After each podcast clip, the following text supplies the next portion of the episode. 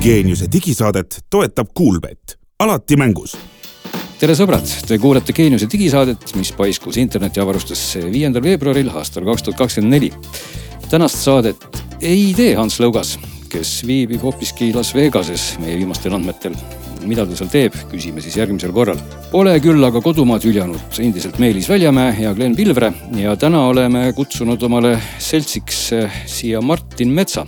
Martin on muuhulgas tuntud saadetest Autotund ja Puhata ja mängida ja meil oligi alguses vähemalt plaan Martiniga just äh, mängimisest ja arvutitest rääkida, aga meil on nii palju siin teemasid plaanis menetleda, nii et vaatame, kaugele me selle mänguplaaniga jõuame. Ja millest me siis täna räägime? räägime jälle Eesti netihindadest ja kiirustest. Euroopa Liit on hädas ühe tuntud firmaga või siis on see vastupidi üks väga tuntud kellatootja ei tahagi enam nutikelladega tegemist teha. legendaarne robootiliste tolmuimejate tootja jääb ilma ühest väga-väga magusast tehingust. Üks suur ja tark tehisintellektne abiline on nüüd Eestis ka täiesti ametlikult saadaval. ja no kui jääb aega, siis nagu öeldud, võib-olla võtame korraks mängud sihikule, võib-olla aga seekord mitte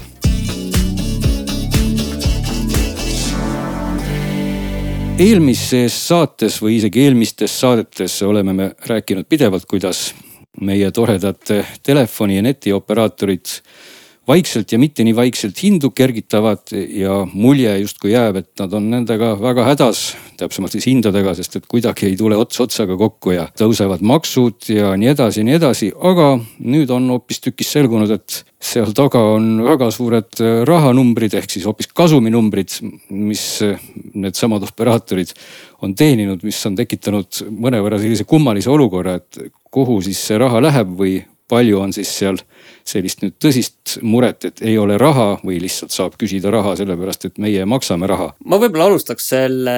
lihtsalt numbritega, et äh, Tele2 ja, ja Elisa siin teenisid äh, eelmine aasta, EBITDA marginaal oli neil kolmkümmend protsenti esialgsetel andmetel ja. ja Telial kolmkümmend üheksa protsenti, et need on selles mõttes ulmelised numbrid ja ega noh, kasumi teenimine tegelikult ei ole ju häbiasi. küsimus on rohkem selles, et mida need kasuminumbrid ja, ja, ja sellised kerkivad hinnad meile näitavad. ja noh, tegelikult see näitab ikkagi seda, millele te viitasite ka eelmises eh, saates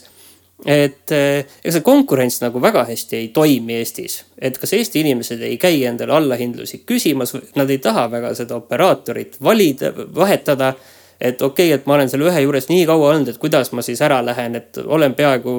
oma pere peaaegu ju. et noh, tegelikult see nii ei ole aga, aga noh, küsimus ka, et kuhu see raha siis läheb, on ju, nad ütlevad ise investeeringuteks, eh, energiahinnad eh, ja nii edasi ja nii edasi, et peavad valmis olema. aga samas on ikkagi see, et mina julgustaks küll kõiki ikkagi eh, enda seda nii internetipaketti kui ka siis nagu mobiilipaketti tõsiselt üle vaatama. nii palju, kui ma olen ise telekomi inimestega viimasel ajal rääkinud, et siis näiteks mina olen aru saanud, et see aasta tegelikult äh, neil väga ei olegi sellised erakliendid fookuses, vaid fookuses on pigem ärikliendid. ja, ja sest äriklientide juures on tegelikult noh, kes nagu teab, et põhimõtteliselt internet on enam-vähem sama, ütleme, et selline saja megabitine ühendus erakliendile maksab see ühe hinna ja ärikliendile täpselt seesama internet maksab eh, viis-kuus korda rohkem. ja põhjuseks on see, et nad ütlevad, et me peame tagama teie töökindluse ja erakliendil ei pea nii palju tagama, eks ole. mis on iseenesest sihuke noh, natuke auklik jutt. ehk et siis nüüd ma küsin üle igaks juhuks, ma saan õigesti aru, kallim on siis just nimelt ärikliendile needsamad numbrid versus kordades jah, jah, seal, seal on muidugi nad ütlevad ise, et noh, et eh, tugi on parem, et äriklient võib noh ükskõik öösel kell viis ka helistada ja kurta, et midagi on katki ja noh, selge see, see, see ongi äh,, äh see, see ongi kulukam. aga samas ilmselt seal tuleb suur võitlus see aasta, ma lihtsalt tahtsin öelda seda, et et eh, noh, kõik oleneb on ju sellest kontorist, et kuhu ärikliendil see internet on viidud ja mis, eh, mis äri ta ajab. et kui kriitiline see internet sellisel kujul tema jaoks täpselt on, noh, internet tegelikult kõigi jaoks on kriitiline. aga noh, küsimus ongi see, et kui kõik eh, teevad mingit sellist tööd, mille nad võivad sekundi pealt endal telefonis hotspot'i peale panna ja ja kuskil mingil serveril ei kao ühendus ära, noh siis pole vahet tegelikult. minul näiteks kontoris ongi tegelikult väga odav Tele2 ärikliendile mõeldud 4G äh, internet. kui ma võtaksin selle juhtmega, see hind läks kolm korda kõrgemaks, kui ma võtaksin selle mõnelt konkurendilt, see läks kaheksa korda kõrgemaks, et tegelikult see on üks koht, kuhu kõiki nagu ettevõtjaid mina nagu soovitaks nagu mõelda selle peale, et kas nad kas neil on nii kallist internetti vaja, nagu neil praegu on? samas, kui sa vaatad nagu, mina vaatan nagu erakliendi seisukohalt seda, et kuhu seda raha siis investeeritakse, kui nad räägivad, et investeeritakse, noh, tõenäoliselt on see ka ka tegelikult tõsi, et nad mingil määral ikkagi investeerivad, aga, aga nagu, nagu seda, seda ei ole nagu selles mõttes näha, et esiteks 5G eh, minu arust areneb aeglasemalt, kui ma oleks seda oodanud ja teiseks on see, et noh, me oleme siin meie saates ka ju rääkinud korduvalt sellest, kuidas siin erinevad äh, Lõuna- ja, või Ida-Eesti äh, kohad, kuhu lubati optikat, sest optikat pole siiamaani tulnud või kui tuli, siis, siis sellega liituda ei saa, sest teenust ei pakuta, eks ole. ja teine asi on see, et siin ka samas Tallinna piirdes, minul kodus on ju niimoodi, et mul on E-, Telia monopol ja ükski teine operaator, kuigi on Tallinna kortermaja, ei taha siia investeerida ja oma optikat tuua, eks ole, nii et ma ei saa, ma ei saa ka parema tahtmise juures kaabliga konkurenti valida, eks ole. ainult siis kas juhtmega Telia või juhtmeta mingisugune mobiilinternetiühendus, ehk siis ma nagu väga ei näe seda investeeringut, ma loomulikult ei tea, mis seal tegelikult taustal toimub, aga vaadates neid kasumas, kasuminumbreid, siis võib-olla saaks investeerida rohkem. ka ei tasu nüüd ära unustada ka seda kohta, mille kallal me siin alati oleme keelt ja hambaid teritanud ja võib-olla peaks küsima ka mõnikord seda siis otseallikast, on ka need kaks asja, mis pidevalt uudistest käivad läbi. Eestis on väga aeglane internet ja Eestis on väga kallis internet. Ehk et noh, tõepoolest, kui vaadata neid graafikuid, siis Eesti internetikiirused siin just midagi väga kiita ei ole, et, et noh, ütleme, et on palju maid, kes on meist eespool tunduvalt ja teistpidi on ka hinnaga täpselt selline lugu, et kui me vaatame siin viimast, ma just sirvin ühte Päevalehe artiklit, kes siis tegi sellise kokkuvõtte hindadest, et saja megabitise koduse internetikiiruse hinnad, no mis me siit näeme, et Eestis tuleb maksta keskmiselt kakskümmend kolm eurot Lätis kümme eurot ja Leedus kaheksa eurot. ja siis noh, ütleme meie sellised äh, suuremad naabermaad on tõsi natukene kallimad, aga marginaalsemalt tunduvalt ehk et siin meie teisel pool kõrval on siis kohe Itaalia kahekümne viiega, Malta, Kreeka, no ütleme Rootsi, Soome tõesti, seal on nüüd natuke kallim, keskmiselt kakskümmend seitse, kakskümmend kaheksa. aga noh, meie oleme ikkagi pigem sellises korralikus Põhjamaade liigas oma hinna poolest, mitte siis äh, kaugeltki, eks ole, Leedu ja Lätiga võrreldavad, küll aga netikiirused jälle teistpidi on aeglasemad siin on see asi, et äh, et neid äh, kiirusi ju vaadatakse selle pealt, et mis on see reaalne kasutus, mida inimesed kasutavad mm, -hmm. see, need kiirused ja kuna need kallimad internetipaketid ongi suhteliselt absurdselt kallid, siis inimesed ei võta neid kallimaid sel- ja nad võtavad äh, aeglasemad paketid. ja sellepärast on ka see keskmine mõõdetud kiirus võrreldes muu Euroopaga aeglasem et see, see, sealt tuleb, see probleem tõenäoliselt tuleb, tuleb sealt. nojah, aga see ongi siis nagu teistpidi näitabki seda, et, et kusagil on siis midagi nagu nihkes võrreldes nende riikidega, kus see nii ei ole, et. et meil siis ikkagi muude hindade suhtes on see internet nii palju kallis, et inimesed ei taha maksta selle kõrgema kiiruse eest seda hinda. vaid pigem on nõus võtma madalama kiiruse ja noh, ma ei tea, kas nad on siis rõõmsad või ei ole. aga igal juhul on see tegelikkus. tõsi see nii on, sest ka mina siin kunagi olin, kui ma töötasin eel, eelneva tööandja juures, oli mul Telia ühe pakett, mis annaks mulle nii-öelda kiirust juurde. ja siis, kui see läbi sai, siis ma loobusin sellest Telia ühest, kui ka ühtlasi downgrade isin oma kiirust, mis tol hetkel oli äkki vist viiesaja pealt kolmesaja peale, ühesõnaga ma vahetasin oma paketi odavamaks kuna see pidev hinnatõus nagu hakkas rahakoti peale, ma sain aru, mul tegelikult ei ole niisugust kiirust vaja. ja see ongi see, et kui ma ikkagi saan nagu üsna kalli hinna eest üsna aeglase kiiruse, siis ma pean paratamatult sellega leppima, eks ole, sest et noh, ega see suurem kiirus kolm korda kallim hinna eest või okei okay,, kolmandik võrra kallim hinna eest mulle palju juurde ei anna. nojah, ja ega siis keskmisena seesama saja megabittine kiirus, noh, see ei ole ju täna mingisugune eriline kiirus, see on ju tõesti selline noh, kuidas ma ütlen, et noh, et, et kui alla selle on juba päris pahasti et, tegelikult ja. Äh, need, need hinnad, mis siin ikka keskmisena kujunevad, on äh, noh, sellised natuke nukrad meie piirkonnas Just. küll, et, et noh, jällegi, mis siin siis nagu öelda, et öelda tasubki seda, et kui teil siis juhtumisi on selline pakett, mille eest teile tundub, et te maksate palju isegi harjumusest, siis tasub ikkagi proovida vähemalt äh, koputada siis selle teenusepakkuja uksele ja noh, ma ei tea, kas siis ähvardada neid äraminekuga või valimaks seda konkurenti, et see ei ole nagu lihtne. et noh, tegelikult võib-olla see jutt, jutu jätkuks tahaks öelda seda, et üks koht, kuhu kindlasti firmad investeerivad ja mis võib-olla noh, nende jaoks on mõistlik tegevus, aga, aga kliendi jaoks võib-olla ei ole, on igasugused lisateenused, sest et eh, operaator ometigi ei taha olla eh, rumal toru ja ta tahab loomulikult siis maksimeerida või maksimaalselt saada siis seda nii-öelda käivet kliendi kohta suuremaks, eks ole. mis on tegelikult nagu äri mõttes täiesti normaalne. aga siis üritatakse pakkuda igasuguseid lisateenuseid, näiteks minul ka, kui ma kohe, kui ma hakkan rääkima sellest paketivahetust, siis üks asi, mida nendes pakettides Elisa pakub ja teada Telia ka. on reisikindlustus ja noh, ma arvan, et, et kui seda seal paketis ei oleks, see pakett võiks vaikimisi olla odavam ja ma ei tea, kas, kas mobiilioperaator peaks olema firma, kes pakub reisikindlustuse teenust ja kas see võiks jääda kindlustusfirmade päris pärusmaaks või kuskil krediitkaardi pankade jaoks, eks ole, et. et see on nagu asi, mis nagu ei ole nagu nende põhitegevus ja ometigi ma pean selle eest maksma ka siis, kui ma seda teenust ei tarbi, eks ole, sest see on seal paketis sees. aga rääkides nüüd sellest, et, et kuidas see paketivahetuse teema on ja, ja kuidas suhtutakse, siis tegelikult mulle pole kunagi meeldinud see, et, selleks, et saada nagu operaatorilt tingimusi paremaks, pead ikkagi oma jalgadega hääletama, ehk siis sa pead nagu ähvardama või minema konkurendi juurde. et mina olen nüüd kuue aasta jooksul, kui teatavasti Eestis tavaliselt kehtivad äh, kõik sellised sooduspaketid kaks aastat äh, vaikimisi üritatakse pakkuda kaheks aastaks, viimasel ajal on ka tehtud ka aastaseid pakkumisi.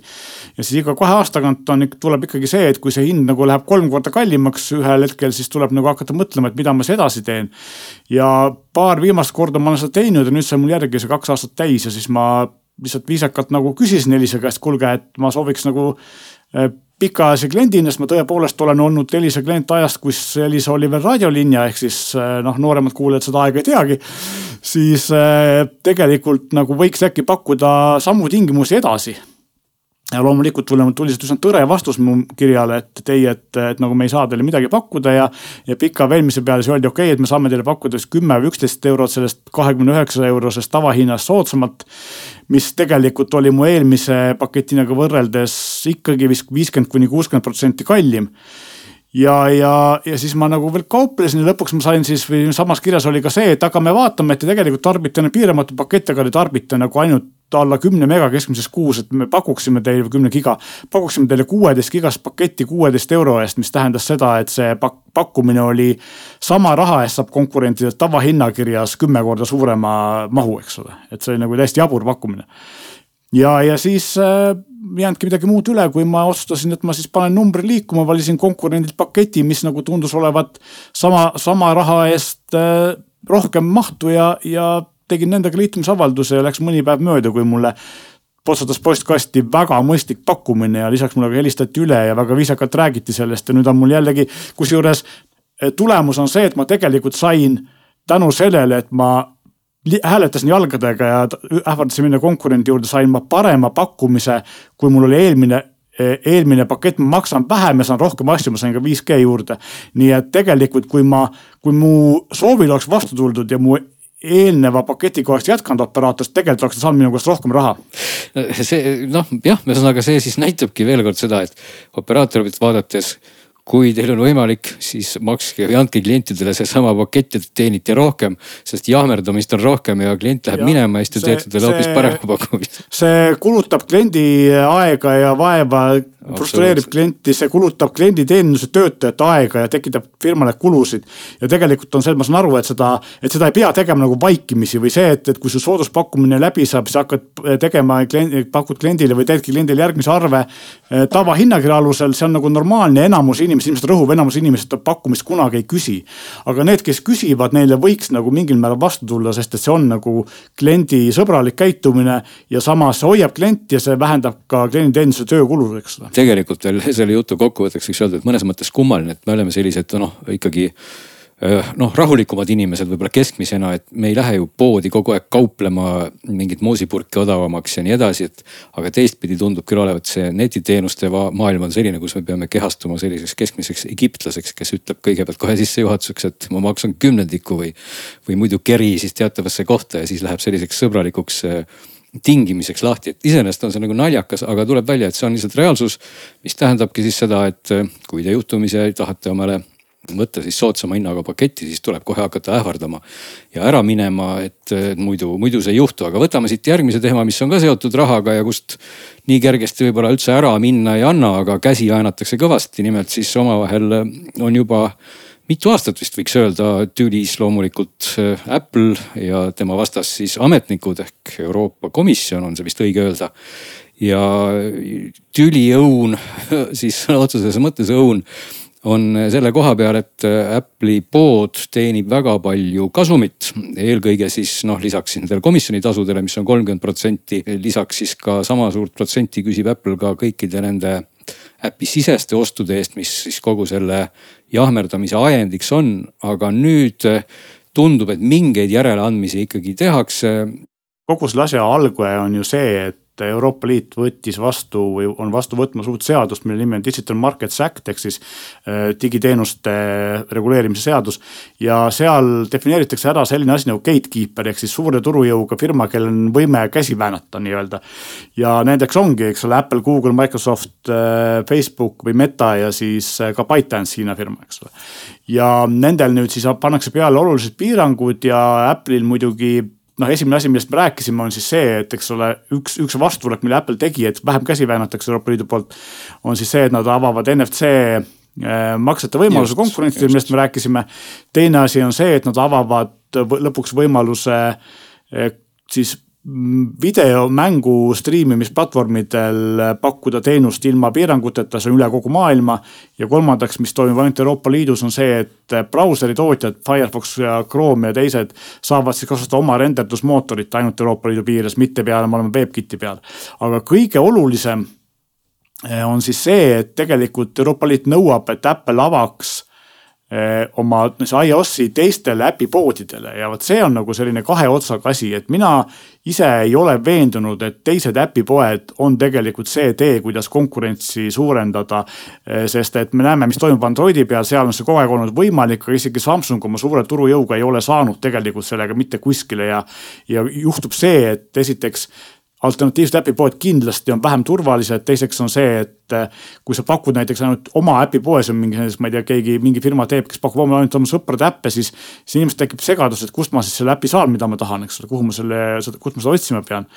ja, ja kolmandaks on, on see, et tegelikult jah, keegi ju ei tea, kui palju siis sinna mingit pahavara äh, läheb ja kasut-, kasutaja vaates on ka see, et, et erinevalt Google'ist või Androidist ei saa ikkagi ka tulevikus Apple'i telefonidele installida veebist tõmmatud mingit faili, eks ole, või samas sellist nagu äpi installerit ei saa nagu sa ikkagi ise installida, vaid sa pead kasutama ikka äpi poode, nii et ta päris avatud ei saa olema no ja samas ikkagi äh, kindlasti üks osa on ka, on ka selles mõttes rahaline, et tegelikult äh, nagu ma just ütlesin, et Apple küsib ka nendelt rakendussisestelt ostudelt äh, seda kopsakat protsenti. et selle nimel praegu ma saan aru, et mingisugust lahendust justkui paistab, et siis teatud arendajatele Apple on nõus ikkagi alandama seda viieteistkümne peale, kas see nüüd läbi läheb või kedagi rõõmsamaks teeb, aga, aga teistpidi, kui neid numbreid vaadata täna, siis ega kõige suurem äpi pood on ikkagi Google Play. aga teistpidi ongi siin näha nagu, kui vaadata nagu rahanumbritest sisse, siis tegelikult noh, turuosa poolest öeldakse, et Google Play peaks olema seal ligi kaks kolmandikku, et mitte öelda rohkem, seitsmekümne protsendi kandis. App Store on seal kusagil kolmekümne protsendi kandis ja muide kolmandal kohal, siis see ei ole vist väga üllatus, on, on Huawei, kes ikkagi oma äpp gallerit push ib umbes viie protsendiga, aga kui me vaatame nagu rahalist käivet, siis Google Play eelmisel aastal tegi seal kusagil neljakümne miljardi kandis käivet. App Store tegi kolmekümne kolme miljardi kandis käivet ja kasum on praktiliselt neil sama, et, et Google Play'l siis kolmteist ja, ja App Store'il umbes üksteist. et kui vaadata tegelikult, kui palju Apple kahmab omale raha ikkagi taskusse selle kaks korda väiksema turuosa pealt, siis on see märkimisväärne. nüanss on muidugi ka see ainuke koht, kus need alternatiivsed äpipoed töötavad, on Hiina turg, seal on Apple'il on endiselt seal App Store, eks ole, Google Hiina turul ei ole ja see ongi Huawei'd ja Xiaomi'del on kõigil oma poed, eks ole, ja siis seal on ka neil, on ka alternatiivsed äpipoed. aga tegelikult jah, mis puudutab neid, ähm, neid äpiseid makse, siis tegelikult see ongi nüüd see suur probleemi allikas, mis tekitab kõige rohkem segadust, et, et nüüd Euroopa Liit nõuab, et see Apple lubaks äh, äpipoode. Apple ütles okei okay,, me lubame äpipoode, aga kas te peate tegema nii, nagu meie tahame, esiteks peab siis iga äpipoe arendaja äh, maksma Apple'ile sellist äh, ettemaksu nii-öelda või tagatist milja, miljon, miljon eurot äkki, kui mälu mind ei peta, mitte miljard. selleks, et siis äh, nad ei pakuks mingisugust jama, eks ole, mingit pahavara ja, ja teine nõudmine on see, et, et äpipood ei tohi pakkuda ainult enda tehtud äppe, näiteks Facebook ei saa teha oma äpipoodi ja pakkudes ainult Instagrami ja Facebooki ja ma ei tea, Oculus't, eks ole. ehk siis seal on tingimused ja kõige suurem vahe on siis tegelikult see, et kui sa nüüd äh, kirjutad alla sellele uuele lepingule, sa tahad müüa või pakkuda oma äppe ka alternatiivsetes poodides, siis Apple vähendab selle kolmekümne protsendi summat kümne kuni seitsmeteist protsendini, sõltuvalt sellest, kui suur firma sa oled. ja lisab sinna juurde kolm protsenti maksevahendustasu, aga eh, kõige naljakam või kõige jaburam selle juures on see, et, et lisaks tuleb selline asi nagu core technology fee, mis on viiskümmend senti aastas igalt äpilt, mille installijate hulk ületab miljon installi. ehk siis see on otse, otse nagu suurfirmade vastu, sest et noh, tõenäoliselt Euroopas, kuigi Euroopas on peaaegu nelisada miljonit inimest. enamus väikseid äppe ei, ei saavuta kunagi miljonit installi, aga suurfirmadele, kes muidu olid Apple'i jaoks nagu kasulikud ja kes tegelikult kõige rohkem jauravad selleks, et me tahame saada sellest walled äh, garden'ist välja ja tahame nagu oma alternatiivset lahendust pakkuda. siis neile pannakse ikkagi nagu päris mõnus maks selga, mis on tegelikult kohati kallim, kui maksta seda kolmekümmet protsenti, eks. no ja, ja no ütleme tarbija poolt vaadates tasub ikkagi, mina annaks sedasama nõu, mis ma vist kunagi ka juba äh, samal teemal natukene andsin, et, et äh, on üksjagu selliseid keskkondi, mis on noh, näiteks võib-olla siin mingid pilvekeskkonnad, kuutasulised keskkonnad, kus on võimalik ennast registreerida seda seda sisest, äpi sisest teenust nii-öelda kasutama nii läbi äpi kui läbi veebiliidese ja see on ka tegelikult täna tasub alati vaadata selle poolt üle, et kas see on võimalik, sest et äh, kui see on läbi veebi võimalik, on see hind äh, raudselt odavam. et kas ta on nüüd odavam kohe see kolmkümmend protsenti on iseasi, aga ta on kindlasti odavam. mina näiteks arvangi, et üks lahendus, mida Euroopa Liit peaks tegema, on tegelikult just see, et mitte äh, lubama või, või nõudma seda konkureerivaid äpipoode, mis võib ohustada turvalisust, vaid just tegema seda, et, et selline gatekeeper ei tohi küsida seda kolmekümmend protsenti või mis iganes tasu nendelt firma, nendelt äppidelt või, või tootjatelt, kelle, kellele konkurent konkureerivaid äppe siis firma pakub, et näiteks Apple ei tohiks küsida raha sada kolmkümmend protsenti Spotify'lt või Amazonilt, mis siis kindlid, kui nad pakuvad Apple Music ut ja, ja nii edasi, eks ole, või, või Netflixilt. ja YouTube, Google samamoodi, sest neil on Youtube, neil on Google Play Music, eks ole, või Youtube Music praeguseks. ehk siis tegelikult ähm, kas siis kaks varianti, et, et võtke, võtke ära see, see raha sellistelt või nõue sellistelt firmadelt, kellele te konkurentsi pakute, tegelikult sellist lausa ebaõiglast konkurentsi, kui need äpid on reeglina eelinstallitud. ja teine variant ongi võib-olla see, et võib-olla peaks ära keelama nende asjade eelinstallimise, klient saaks valida, mida ta siis tahab kasutada muusikateenuse või, või mõne muu teenusena. aga noh, see on selline pikk ja keeruline protsess. üks asi tegelikult sellega veel on huvitav, et tegelikult, et kus see asi nagu enam-vähem alguse sai kunagi, oli ju selle Epic Games'i ja ja Apple'i suurest vaidlusest, sest noh, Fortnite oli tol ajal, noh, eks ta siiani on, aga siis tol ajal ta oli meeletult populaarne. aga ta oli tasuta mäng ja neid äh, äpisiseseid oste sai seal teha ja Epic Games teenis Fortnite'iga meeletut raha aga siis nad pidid kolmkümmend protsenti sellest kõigest ära andma, tulemuseks oli see, et nad läksid iOS-i pealt ära aga nüüd nad koos sellega tulevad tagasi, vist ma saan aru, märtsis tuleb Fortnite äh, tagasi. aga noh, eks nad peavad ikkagi ilmselt päris palju hakkama Apple'ile maksma just, ja see core technology fee ongi ju mõeldud selliste firmade vastu nagu Fortnite või selliste äppide vastu, sest et see on ilmselgelt ületaks selle miljoni installi piiri, eks ole, ja siis saaks kohe Apple teenida mõnusat raha. ja tegelikult, mis ongi see point on veel selles, et see, see viiskümmend senti installi pealt kehtib ka nendele äppidele, mis on eripopulaarsed, mis on tasuta, ehk siis. kui sa ei, ei tee äpisiseid makseid või kui sa ei küsi raha, sa põhimõtteliselt maksad peale, juhul kui see äpp on ülipopulaarne ja väga palju maksad peale ja see on nagu probleem. niimoodi, aga kui te nüüd tahate saada midagi ka tasuta, on ka see võimalus olemas, nimelt Äh, täiesti tasuta saab nüüd kasutada ühte suurt ja toredat keelemudelit või siis ütleme siis tehisintellektset assistenti. Äh, tuleb see Google'ilt, selle nimi on Gemini, Gemini Pro ehk siis sisuliselt on seesama Google Bard, mis on kogu aeg olnud saadaval, aga nüüd uuendus, siis keelemudel seal taga, see juhtus esimesel veebruaril. Google tegi sellest täiesti sellise ikkagi märkimisväärse uudise, et see on nüüd siis ametlikult Eestis saadaval kahesaja kolmekümnes riigis, neljakümnes keeles on toetatud, eesti keel on seal täiesti olemas ja, ja noh, ega kasutaja vaatest ei olegi midagi muud öelda, et minge proovige, et, et kui te toksite sisse bard.google.com satute te siis kohe selle kõige kõigema mudeli otsa ja, ja mis seal salata, ega esimesed muljed ei ole üldse halvad, et. et selliste trikikate küsimustega, mida ma siin armastan küsida, üks neist on selline hea ingliskeelne küsimus, mida küsida, et mis on suurim number alla miljoni, milles ei ole N tähte. ja,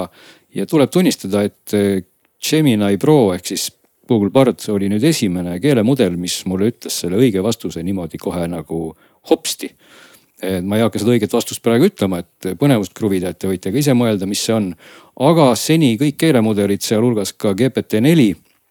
on äh, olnud küllaltki ebakindlad ja andnud ikkagi lausvalesid vastuseid. tõsi, kui ma küsisin sedasama küsimust natukene eesti keelde modifitseerituna, et, et mis on suurim number alla miljoni, kus ei ole tähte A siis sellega enam pard hakkama ei saanud ja sealt hakkas ikkagi tulema mul igasuguseid üheksasadasid ja tuhandeid äh, torust, nii et vähe pole. ja, ja noh, kui ma üritasin talle öelda, et kuule, aga palun vabandust, et seal on ju A igal pool, siis ta ei saanud sellest mitte midagi aru, nii et tõenäoliselt ikka mingi tõlkemootor seal siis edasi-tagasi seda teksti tõlgib, olgugi et eesti keel on ametlikult esindatud. aga kui nüüd tahta temaga niisama vestelda või, või ütleme kasvõi infot saada, ma pean küll tunnistama, et, et see tulemus, kuidas ta seda infot äh, serveerib, äh, räägib see on täiesti adekvaatne ja seal on siis olulise omadusena ka selline nupukene nüüd tekkinud juurde, kuhu siis vajutada, G täht on seal peal, mis tähendab Google Search'i ja see võimaldab siis kontrollida selle vastuse pädevust, ehk et kui te küsite Pardi käest midagi, saate midagi teada, loete selle midagi läbi ja teile tundub, et see jutt on väga asjalik ja arukas, siis igal juhul tasub enne nüüd vajutada sellele G tähe peale sest et siis ta teeb nagu topeltkontrolli, siis seesama väide lastakse veel läbi Google'i otsimootori ja joonib ta siis vastavalt värviga üle selle osa tekstist, mis näiteks ei pruugi vastata tõele või on ebaselge, et kui see tekst moondub siis punaseks, siis on see suure tõenäosusega jama. see on iseenesest väga-väga teretulnud lisaväärtus, sest täna, kui te küsite ka näiteks Copilotilt, mis on siis Microsofti konkurent, asju siis võib juhtuda, et see vastus ikkagi olgugi, olgugi, et seal on lausa viited olemas ja kõike. seal võib olla puhast, puhast jama sõna otseses mõttes. ja, ja kunagi ei või olla kindel, kas see on õige, nii et selles mõttes selline topeltkontroll on, on väga abiks, et, et noh, teistpidi saab ka, kuidas ma ütlen, seda pardi vastuseid saab ka tuunida niisugusel nagu asjalikkuse skaalal või, või pikkuse skaalal on seal võimalik öelda siis, et kui täpset või kui, kui jutukat vastust tahta ta joonistab väga ilusaid tabeleid, selliseid kokkuvõtteid teeb hästi. nii et eh, kokkuvõttes on ta noh, ma, ma nagu täitsa avastasin nüüd siin viimaste päevadega, mis ma seda jõudsin proovida. et tegelikult eh, Google'i otsingut ta võiks täitsa hakata asendama, et praegu on ikka harjumus, et sa trükid igasuguse fraasi Google'isse. aga nüüd seda harjumust võib vabalt muuta, ma ei tea, kas te olete jõudnud ka korraks eh, otsa vaadata, kui tark või rumal ta on? mina natuke proovisin ja mõni asi tuli päris hästi välja, sul on õigus, tabelit teeb ta väga hästi, aga mõne asjaga ta eksib ka päris kõvasti. aga ta on mm. kindlasti, mulle tundub, et ta on kiirem kui vähemalt see tasuta chat GPT ja,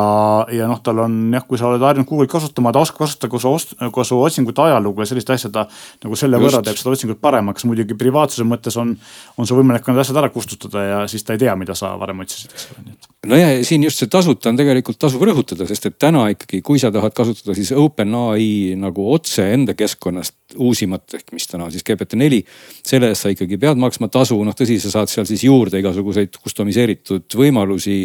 Eh, kasutajate poolt looduid abimehi ja mida iganes, et seal on ka lisaväärtust natuke selle eest. aga, aga kogu see, see uus Gemini Pro on siis sul võimalik tasuta kätte saada. küll väidetavalt muidugi Bingi otsingumootor peaks ka kasutama GPT-4 seal taga. ja noh, olema siis nii-öelda konkurent, nii et, et saab ka konkurentide juures tasuta. aga igatahes, ega siin ei, ei jäägi võib-olla siia nüüd pikemalt kinni et äh, minge ja, ja otsige, aga olge ikkagi siis hoiatatud, et kui te seda kontrollnuppu ei vajuta, siis noh, mina proovisin, et selliste, selliste võib-olla natukene ebatraditsiooni, ebatraditsioonilisematele küsimustele andis ta küll väga enesekindlalt väga valesid vastuseid. nii et, aga ta joonis need ka pärast punaseks, nii et kui ma seda nuppu vajutasin, siis tõepoolest sain ma aru, et ja see ei pruugi olla tõsi. Aga mis siis tundub, et on nüüd vägagi tõsi, on see, et üks järjekordne suur rahaline diil, ehm, puudutab see siis kahte suurt ja väga suurt tegijat ehk et iRobotit, kes teadupärast on siis kõikide robootiliste tolmuima, imurite isa või ema mm, nimega Roomba ja Amazon, kes lubas nad siis üüratult suure raha eest, kas ma ei mäleta, kui suur see raha oli, mingid miljardid, see raha oli väga-väga suur, ära osta. aga tundub, et ei saa sellest eh, tehingust asja ja, ja noh, hädas on nüüd eh, eelkõige ilmselt siis iRobot, sest Amazon ütles, et vabandust, me ikkagi ei anna teile seda raha. jah, ja põhjuseks on tegelikult see, et Amazon ja, ja iRobot jõudsid järeldusele, et nad ülimalt tõenäoliselt ei saa läbi Euroopa Liidu vastuväidetest selle tehingu toimimisel ja Euroopa Liit paneb selle käe ette, siis nad pigem loobusid sellest. Amazon maksab äh, tänu selle tehingu läbikukkumisele iRobotile üheksakümmend neli miljonit kahjutasu. ja, ja siis ta muidugi sellest trahvist äh, see trahv läheb täielikult ära, ainult poole katab sellest, et iRobot pidi võtma eelmine aasta kakssada miljonit laenu. lisaks nad koondasid siin hiljuti ära kolmsada viiskümmend inimest, nii et tegelikult on see, et, et iRobot, kui oli kunagi selline väga noh, siiamaani on tegelikult väga innovatiivne robottolmuimede tootja, aga nad ja. tunnevad nagu kõik teised tootjad hiinlaste survet, eks ole eh,. Xiaomi ja, ja Roborock ja kes iganes veel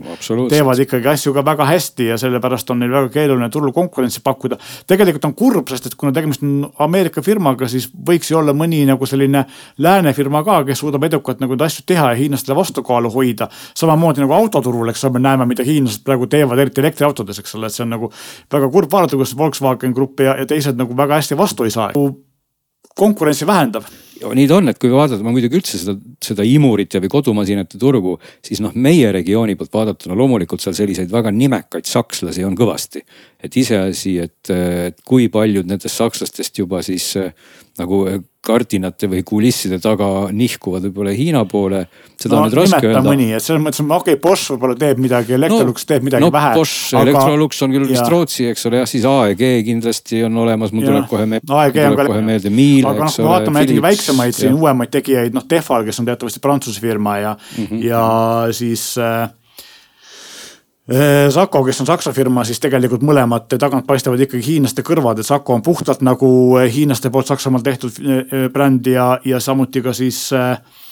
Tefali robotid tulevad ka kõik Hiinast, kuigi tegemist on Prantsuse firmaga, aga nad samamoodi panevad sinna oma nime peale ja müüvad tegelikult edasi siis mõne Hiina suurtootja asju. kuulge, kuulge, aga, aga kas natuke laiemalt vaadata, kas see mm, robottolmuimejat, äkki see buum või see asi on ka nagu läbi, mul on lihtsalt endal isiklik kogemus, et ma just see nädal müüsin enda robottolmuimeja maha, ma tean, et ma sain vist ühe kolmandiku selle eest, mis ma maksin. kas aga... sa asusid ise viisin... nagu selle asemele kodus või? ei noh, ma pidin tavalise tolmuimejaga niikuinii nurkades käima ja, ja ega sellest ei pääse, koer Eks on ka on... majas, et ei ole varianti. eks ta on tõsi, sest minul on ka robotsolmuime ja, ja ma ütleks seda, et mina, esiteks on mul siin probleem, et ta nimelt suutis ära kaotada mul wifi ja nüüd ma ei suuda seda või see ühenduse äpiga, ta kaotas mul äpist ära ja nüüd ma ei suuda seda enam uuesti telefoniga paaritada. ja põhimõtteliselt on mu tark tolmuime nagu rumal tolmuime, mis käib nupust või, või puldist tööle. ja samas on ka see, et, et tegemist on siis sellesama varem nimetatud Saksa firma, kes ostab Hiinast äh, masinaid sisse, paneb oma nime peale. siis tegelikult selle kahe aasta jooksul või poolteise aasta jooksul, mis mul olnud on, ei ole ta saanud mitte ühtegi tarkvara uuendust ja kuigi ta on nagu paberil väga nutikas, siis tegelikult tal sellest reaalsest nutikusest jääb ikkagi puudu, et ta ei oska nii hästi navigeerida kui ta võiks lidari abil ja nii edasi. ja noh, kõike seda saab tegelikult tarkvaraga paremaks teha, aga kuna see tarkvara uuendustes ei tule, siis nagu pole, pole palju kasu, et ma olen nõus, et paljud inimesed kindlasti võivad olla pettunud. ma olen jätkuvalt see, et kuna ma olen laisk inimene, mulle meeldib, kui robot mulle neid asju ära teeb, aga ma olen ka Martiniga nõus, et nurgad ma pean ikkagi teise toimega ära tegema, eks ole. nojah, ei no oleneb, mina ikkagi siinkohal jään raudselt äh, vägagi robotite usku, et äh, mul, kui vähem, ütleme, kui põrandal on ruumi ja seal ei ole liiga palju sodi, siis ma ikkagi oma Roborokiga kusagile lahti lasen. tõsiselt peab tunnistama, et mul on pigem nagu see probleem, et, et põrandad on nagu igasugust kraami ja mingeid asju täis, et, et tihti nagu sa vaatad, et et et ei mahu seal ei ise koristama ega, ega robotiga, aga teistpidi mul nagu sellist probleemi ei ole olnud. tõesti, no see on küll Hiina tootja, aga, aga Roborocki imur on küll äh, nagu väga pommi ja lollikindel. no Roborock ongi, no ongi, ilmselt ongi edukad ju sellepärast, et neil tarkvara on hea, samamoodi ka autodes, eks ole, et, et see on ikkagi ja. ja tegelikult mulle tundub, et see robottolmuimeja on samamoodi nagu elektriauto, et sa pead seda õppima kasutama selles mõttes, et. et jah, seesama asi, sa pead harjuma seda, sul ei tohi olla võib-olla põrandal mingeid asju vedeleda, eks ole, et võiks nagu automaatselt koristada ja sa pead nagu vaatama seda, et kust ta koristab, kuidas seda optimeerida, et ta nagu teeks ikkagi seda töö korralikult, aga samamoodi nagu elektriautoga, et. et ei ole niimoodi, et bensukaga ma sõidan tuhat kilti järjest ja sõidangi, ma ei tea, kaheksa tundi ilma silmi puhkamata, vaid, vaid ongi see, et ma lihtsalt lähengi saja kilomeetri pärast bensukas ja käin vetsus ja kohvi ostmas, samal ajal panen masina laadima järgmise saja kilomeetri pärast uuesti, eks ole. et see ongi see, et sa pead nagu seda, seda harjumusi muutma ja kõigi jaoks ei sobi. seda küll jah, no siiski ma ütleks, et, et ma, ma, ma ei, no sugugi ei arvaks, et nüüd ikkagi kõik peaksid müüma maha robootilised tolmuimejad ja hakkama käsitsi möllama, et, et pigem pigem need, mis on head, on ikkagi täna olemas ja see, et nüüd Amazon sellest tehingust loobub, nagu, nagu Meelis, sa ütlesid ka, et eks seal on sellised ametkondlikud kõrvad paistmas, et see kindlasti ei tähenda, et Amazon arvaks nüüd, et visata selline kuidas ma ütlen, koduste abiliste, targemate ja vähem targemate arendamine nurka. kindlasti mitte, et tegelikult eks see huvi seda iRobotit ju omandada pigem oligi sellepärast, et kogu see kogemuste pagas, know-how, et tuua nagu oma sellisesse tooteportfelli, kus on ju kõik võimalik ka seda kodu automatiseerimiskraami siis ka üks selline robootiline imur. just, tegelikult ongi see, et eks nad üritasid selle iRobotiga teha ka rohkemat kui ainult robot-tolmuimejat, ka muid nagu nii-öelda mm -hmm. automatiseerimist. ja teine asi ongi see, et see on kaks nagu tahku, üks ongi see, et see nii-öelda siis äh, suurte firmade hirm, ehk siis tegelikult noh, see on päris tõsi, et võib juhtuda, et mõni selline monopoolses seisundit oma firma nagu hakkab seda kurjasti ära kasutama, mida tegelikult tehakse ja Amazon on selle koha pealt nagu väga suur firma, et Euroopa Liidul võib siin nagu mingit pidi õigus olla ja teistpidi võib selles ka olla selline natukene kahetsust, sest et noh, kui me vaatame Amazonis, ega nad tegelikult ei ole nagu oma sellise koju saabumisega väga edukad olnud, et Aero ruuterid on küll head, aga väga kallid ja nad ei ole nii populaarsed, kui nad arvasid. kõik need äh, Alexa põhised äh, nutiseadmed ei ole neil nagu nii edukad, kui kui nad ise lootsid või tegelikult äh, Alexa ise on väga edukas või siis nii-öelda Echo kõlarid ja muud seadmed. aga nendega ei tehta seda, mida Amazon tahaks, ehk siis nad ei teeni Amazoni raha, et see on väga suures kahjumis neil. et inimesed ostavad selle kõlari koju ja siis lasevad seda muusikat mängida ja küsivad, mis ilm on, eks ole. mitte ei, ei tee asju, millega Amazon raha teenib. no ütleme ausalt, see, see tundub isegi ausalt öeldes naljakas, et mitte öelda kummaline, et kui raske saab siis näiteks olla ühe robootilise tolmuimeja tarkvara või kõik muu pool. Aga näed, saab, eks ole, täpselt nagu sa mainisid, Meelis, need Euroopa firmad on hädas kuidagi selle tarkvaraga ja tõsi, nii palju, kui ma olen neid tolmuimejaid testinud, mida, mida muide me plaanime just digisse ka veel. kas see oli siin järgmine, ülejärgmine kuu igal juhul meil mõttena käis, et võtaks jälle ka need robootilised tolmuimejad ette, et viimati me vaatasime neid paar aastat tagasi et, et vaadata, et kas siis on nüüd midagi muutunud või, või vastupidi, eks ole. aga, aga, aga noh, see, see tundub, et see ei saa olla nagu midagi nii väga keerulist. aga näed, ikkagi on niimoodi, et need hiinlased teevad seda hästi ja mitte, et ega Roomba on olnud ju ka nagu, nagu tehnilises mõttes ja patentide mõttes on tal väga palju olnud nutikaid lahendusi, aga nii palju, kui mina mäletan, siis tuleb ka tunnistada, et navigeerimise mõttes tõepoolest ja selliste just, just nagu tarkvaralahenduste mõttes hiinlased on teinud väga head tööd, nii et eh, eks siis paistab, et ega iRoboti nüüd täna ei lähe ka nüüd päris nagu nii halvasti, et ta nüüd kohe ülehomme peaks uksed kinni panema, aga. oht on täitsa reaalne ja tegelikult ta ei ole esimene pääsuke, sest et eh, ka sina oled testinud teist suurt robotite tootjat, mis ei ole hiinlane nimega Nito ja siis Nito on praeguseks kadunud, eks ole, neid enam ei ole, nii et. kas, kas Nito oli, paranda meid, üks oli ka see Vorwerk, kas need olid ka kuidagi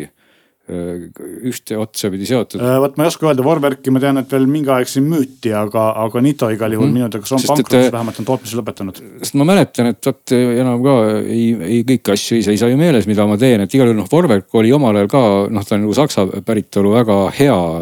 bränd või väga head, hästi navigeerivad ja toredad tooted olid, aga seal just oligi see, see pool, et mingis regioonis turundati teda ühe nime all ja, ja mingis regioonis oli ta teise nime all aga eh, siinkohal vaatame veel siis ka ühe mitte nii rõõmsa uudise üle, mis eh, puudutab nutikellandust, et üks selline mm, suur kellatootja Fossil, kes eh, on siis noh tavakellades olnud kõva nimi ja on olnud kõva nimi, on ka tänaseni nutikellade maailmas ja Google Weariga kellasid väga pikalt tootnud, ütles nüüd, et aitab küll, et et ei ole ilmselt põhjust enam konkureerida siin, noh, meil ongi põhimõtteliselt ütleme kolm suurt kellatootjat, kellest üks on eriti suur, on siis Apple ja on Samsung ja on Huawei, kes, kes kogu seda botti jagavad ja, ja Fossil ütles, et nemad enam ei taha seal Müllat. jah, no tegelikult, eks siin on põhjuseid erinevaid, no esiteks on see, et äh, traditsiooniline kellatootja sai aru, et tarkvara ja IT on keeruline, millest me just rääkisime robotite võtmes, eks ole, et. et seda ei ole lihtne teha ja neid uuendusi pakkuda ja kõik see on nagu väga-väga keeruline. teine asi on see, et tegelikult olgem ausad, äh, peame otsima ka ikkagi probleemi sealt, kus probleemi kõrvad paistavad, ehk siis Google jättis fossiili kui partneri üsna üksi. ehk siis alguses, kui oli ju Android Wear, siis äh, esimesed versioonid olid sellised, et põhimõtteliselt iga tootja võis teha endale kella, pani sinna seesama Google'i poolt tehtud sisu ja tarkvara ja kogu see uuendamise ja tarkvara pool jäi, jäi Google'i õlule. ja siis juhtus see, et, et Google ei tahtnud nagu tegelikult uuendada neid partnerite kellasid millegipärast, see võttis neil väga kaua aega ja ka see niimoodi populaarsus langes ja siis mõne, mõni aasta hiljem juhtuski see, et, et Google ja Samsung panid tegelikult leivad ühte kappi ja tegid siis selle Wear OS-i Android Weari asemele. kus võeti siis natukene paremad osad Samsungist, natukene paremad osad eh, endisest Android Wearist ja sellega seoses muutuski see eh, kellastrateegia samasuguseks nagu on telefonidel Apple'i või Androidi puhul, et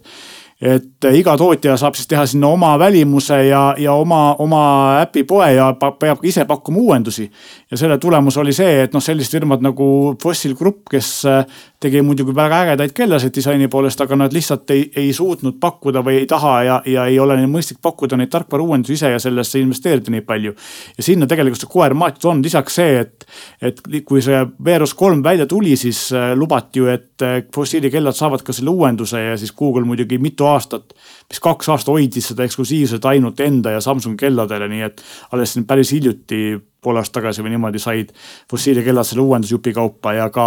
Mobvoi Dickwatchi kelladega oli sama probleem, et ka teine väike partner, eks ole, kes olid tegelikult samade hammasrataste vahel, aga nemad on suutnud nagu elus püsida, kuna see on ainus äri, et fossiili puhul on see, et nad teevad teisi kellasid ja muid moes asju veel, et neil ei ole see ainus rahaallikas. aga jah, et mina ütleks, ma süüdistaksin siin pigem, pigem Google'it kui, kui fossiili ennast ja tegelikult on kurb, et sellised ägeda disainiga kellad turult kaovad. aga samas noh, mõnes mõttes võib-olla paratamatu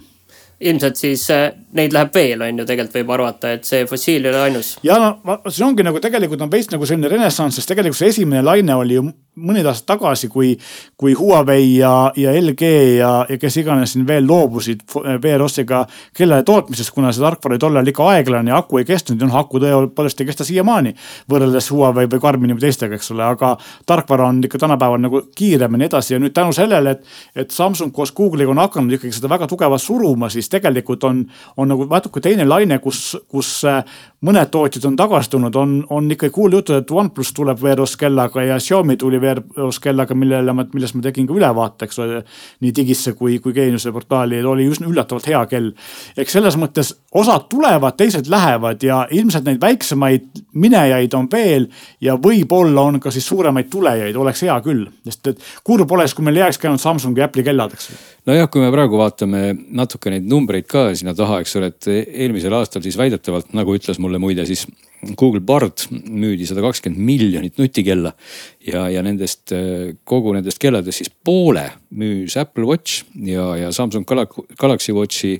osa oli siis kakskümmend protsenti ja Huawei'l kaksteist protsenti, mis on ka üsna märkimisväärne, arvestades, et nad on ju täiesti oma opsüsteemiga. aga teistpidi on nagu ka selline võib-olla asi, mida nagu, kas see on nüüd naljakas või kummaline, et, et, et Google justkui väga hästi paistab läbi saavat Samsungiga või vastupidi. nii mõneski mõttes, et needsamad uued Samsungi telefonid, mida meile esitleti, väga palju kasutavad just seda Google'i ai poolt ja on pakendatud väga Samsungi riietesse samamoodi need nutikellad, mille noh, hing on siis eh, põhimõtteliselt kõik Google'ilt, eks ole, teistpidi Google'il on ka oma telefonid ja ka oma kellad. no see on väga lihtne, et Samsungil on turujõud ja brändi tuntus ja Google'il on tarkvaraoskused, et see on nagu kaks head poolt kokku panna. seda küll, aga Google ei ole sugugi ka oma telefone ega ka oma kellasid ära unustanud, et pigem vastupidi, et need on nagu kogu aeg seal ka laskevalmis ja, ja ei ole neid sugugi unarusse jäetud, eks. mille Google on unarusse jätnud ja tegelikult vastupidi, on, on samamoodi nagu tegelikult teinud ikkagi nii tarbijatele kui, kui võib-olla siis äh, potentsiaalselt mainele kahju on, mida ta on teinud Fitbitiga, eks ole, et see on nagu no, omaette teema. nojah, eks see Fitbit tõenäoliselt, eks see võib-olla mõte oligi, et äh, jah, võtta see omale tooteportfelli ja tegelikult moondadagi siis äh, Pixel Watchiks äh, kuidagi ja, vaikselt ja ära. tarkvarapaketiks jah. ja, ja, ja sinna ta jääb. aga kui me rääkisime juba Google'ist, siis äkki räägime ühest lugejakirjast, kes küsib, sinu käest küsis, eks ole, Google Pay kohta paar küsimust et tõsi, tõsi ja üks minu vana hea sõber täitsa personaalselt reageeris, aitäh ja, ja noh, ma eelmine kord tegelikult hädaldasin pikalt, kuidas mul olid tõrked, et kui keegi kuulas sinu eelmist saadet, siis,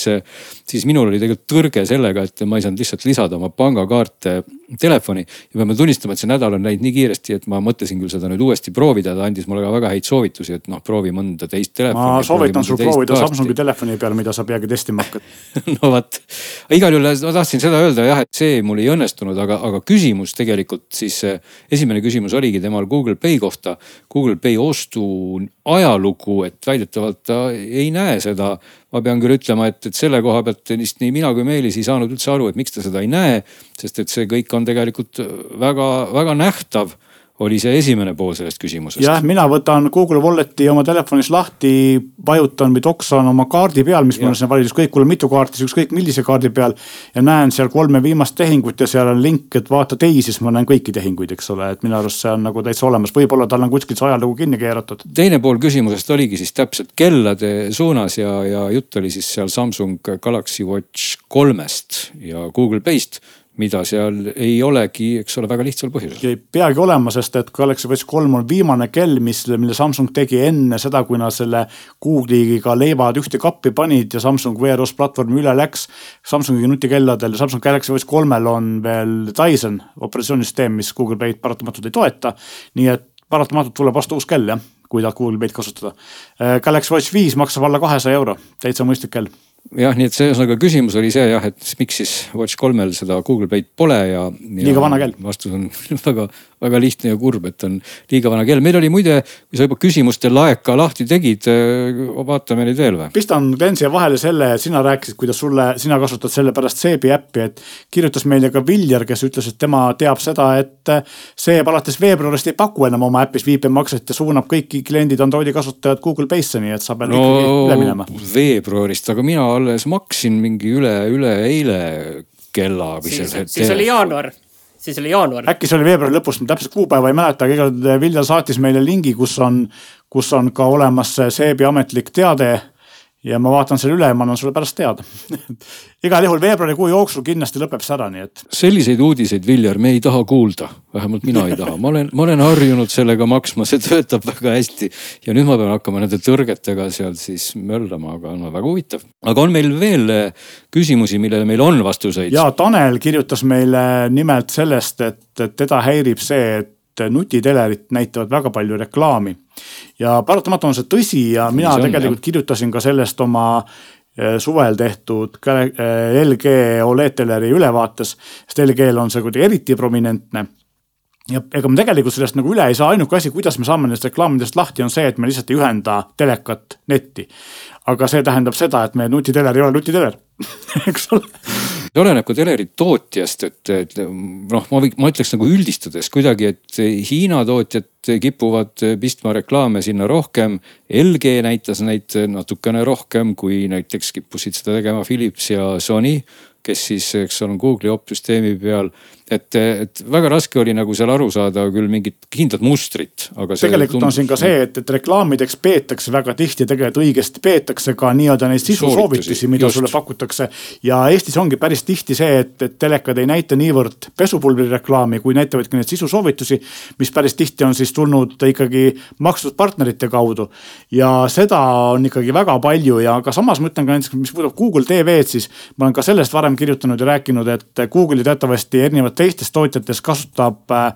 oma tarkvaras või lausa oma, oma siis nii-öelda Amazon ka tegelikult oma telekate pulkade puhul kasutavad kogu nende kasutajaliides on tegelikult veebileht.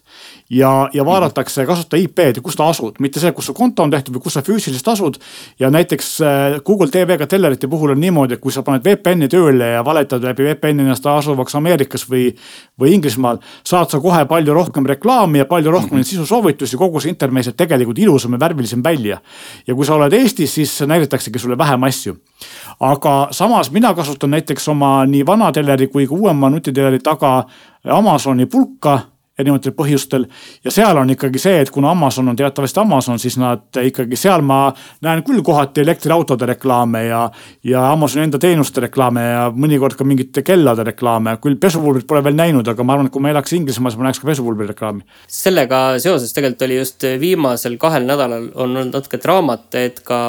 Xbox'i peale on jõudnud äh, reklaamid Aha. sellised, mis äh, terve sellise ekraani ära katavad ja näidatakse sulle reklaami. kusjuures selles mõttes, need on mängude teemalised, aga kasutajad, noh, selles mõttes, et konsoolide mõistes see on natuke enneolematu ikkagi. et okei okay,, meil on Windowsis olnud ajalooliselt reklaamid, aga et nüüd Microsofti konsooli peal tuleb ka selline täisekraanis äh, reklaam. et see on olnud, ütleme, et inimesed ei ole seda hästi vastu võtnud see on tõsi küll, ma saaks aru sellest, kui näiteks Sony või Xbox ütleks, et osta oma lisapult või, või mingi selline asi, eks ole, see oleks nagu normaalne reklaam. aga, aga oma teenuseid, aga mitte võib-olla see jah, et siis on midagi muud reklaamid. aga Tanelile peab jah lohutuseks või kurvastuseks ütlema, et see on paratamatu, lahti me sellest ei saa. ainuke viis, kuidas me sellest lahti saame, on see, et et panna siis tõesti võtta neti, telekal net ära, kasutada kui rumalat telerit ehm, noh, rõõmustame natuke selle üle, et Eestis on ikkagi neid reklaame vähem kui mujal maailmas võib-olla neid tuleb kunagi tulevikus juurde. ja tegelikult noh, miks need nii on, siis tegelikult paratamatu on see, et teleritootjad kasu-, nende kasumimarginaalid on väga väiksed, paljud neist tegelikult müüvad telerit kahjumiga. ja see reklaami näitamine on üks viis, kuidas nad tegelikult natukenegi suudavad oma, oma sellist ähm, kasumlikkust suurendada ja investeerida uutesse tehnoloogiatesse, paremate asjade tegemisse, see on kurb, aga see on paratamatult nii. teine küsimus muidugi see, et kõigi selle reklaami näitamise juures, et kui palju infot liigub teleritest ja muudest, ma ei tea, robottolmuimejatest siis nende tootjate serveritesse, kui palju nad meie elu jälgivad ja see on nagu võib-olla see tegelik ohtlik asi, mis seal taga on. niimoodi, aga mis siis on ka väga kurb, on see, et me tegelikult Martiniga mängudest ei räägi. sellepärast, et me oleme rääkinud kõikidest nendest muudest asjadest, aga me ilmselt seda mänguteemat ikkagi millalgi tahaks kajastada, et, et noh, minul oligi personaalselt pigem huvi täitsa niimoodi kaugelt korraks vaadata või ütleme, sellise kauge, kauge mänguhuvilisena sisse, sisse vaadata, et kas seal on vahepeal midagi üldse muutunud konsoolides, arvutites, mängudes, keskkondades ja kuna noh, Martin tõesti igapäevaselt või vähemalt iganädalaselt seda asja siin kajastab ja, ja mina kogu aeg ei jõua ka kuulata täpselt, mis seal toimub, et võib-olla on neid inimesi veel, kes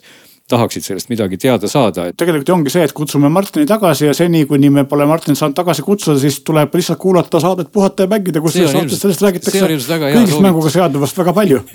just, et, et tundubki, et võib-olla tõesti, et selle asemel, et sundida Martinit meie saates rääkima, võib öelda, et minge kuulake saadet Puhata ja mängida, saate võib-olla vastused nendele küsimustele. ja saate siis vastuseid ka kõikidele muudele küsimustele, mis siis meie käest tulevad täpselt järgmisel nädalal.